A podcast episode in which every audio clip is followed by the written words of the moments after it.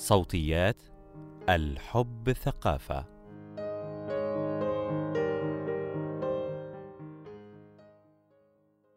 الحياة الجنسية مهما كانت التحديات.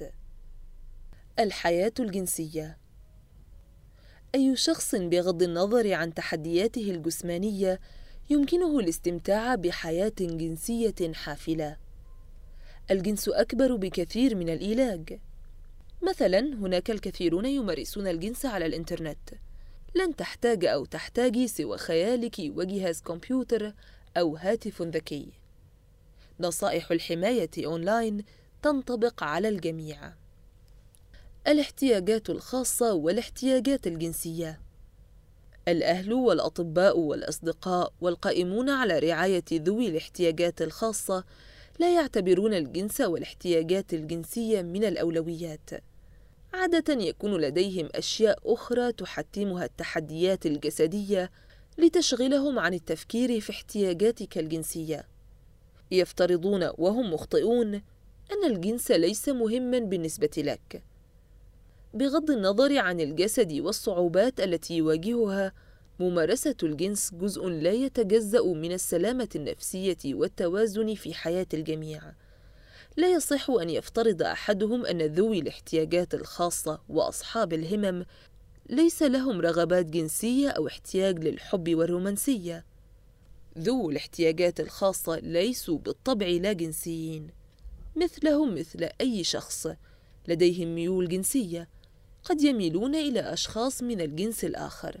مغيرون أو من نفس الجنس مثليون وقد يشعرون بالانجذاب للرجال والنساء على حد السواء مزدوجي الميول الجنسية.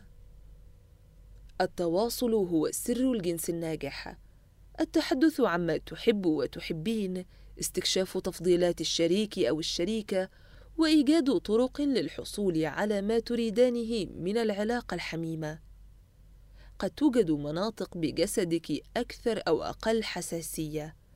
قد تكون الحركة أو الشلل أو الرعشة تحديات تواجهك. أيا كان جسدك عملية استكشافه ومشاركته مع شريك أو شريكة تجربة مثيرة تستحق المحاولة. التواصل والابتكار. لا تتسرع وتتسرعي في ممارسة الجنس. انتظر حتى تكون مستعدا. إذا كنت غير متأكدة وتراودك الشكوك من حقك أن ترفضي.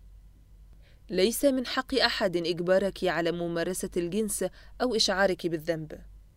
لا تمارس الجنس إلا إذا كنت تريدين ذلك.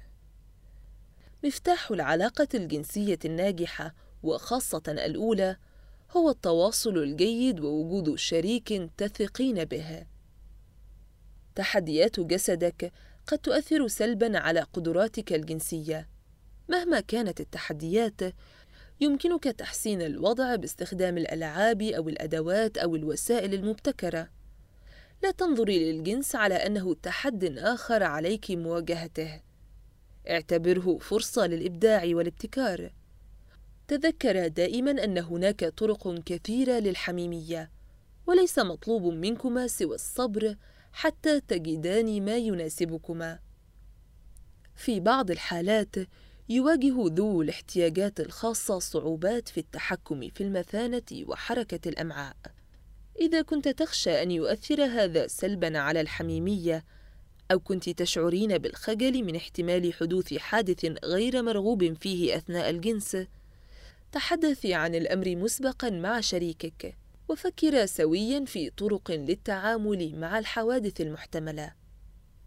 إذا تبولت لا اراديا أو حدث أمر آخر مخجل اضحك واضحكي الضحك هو الحل الأمثل للتعامل مع المواقف المحرجة غير المتوقعة في الفراش.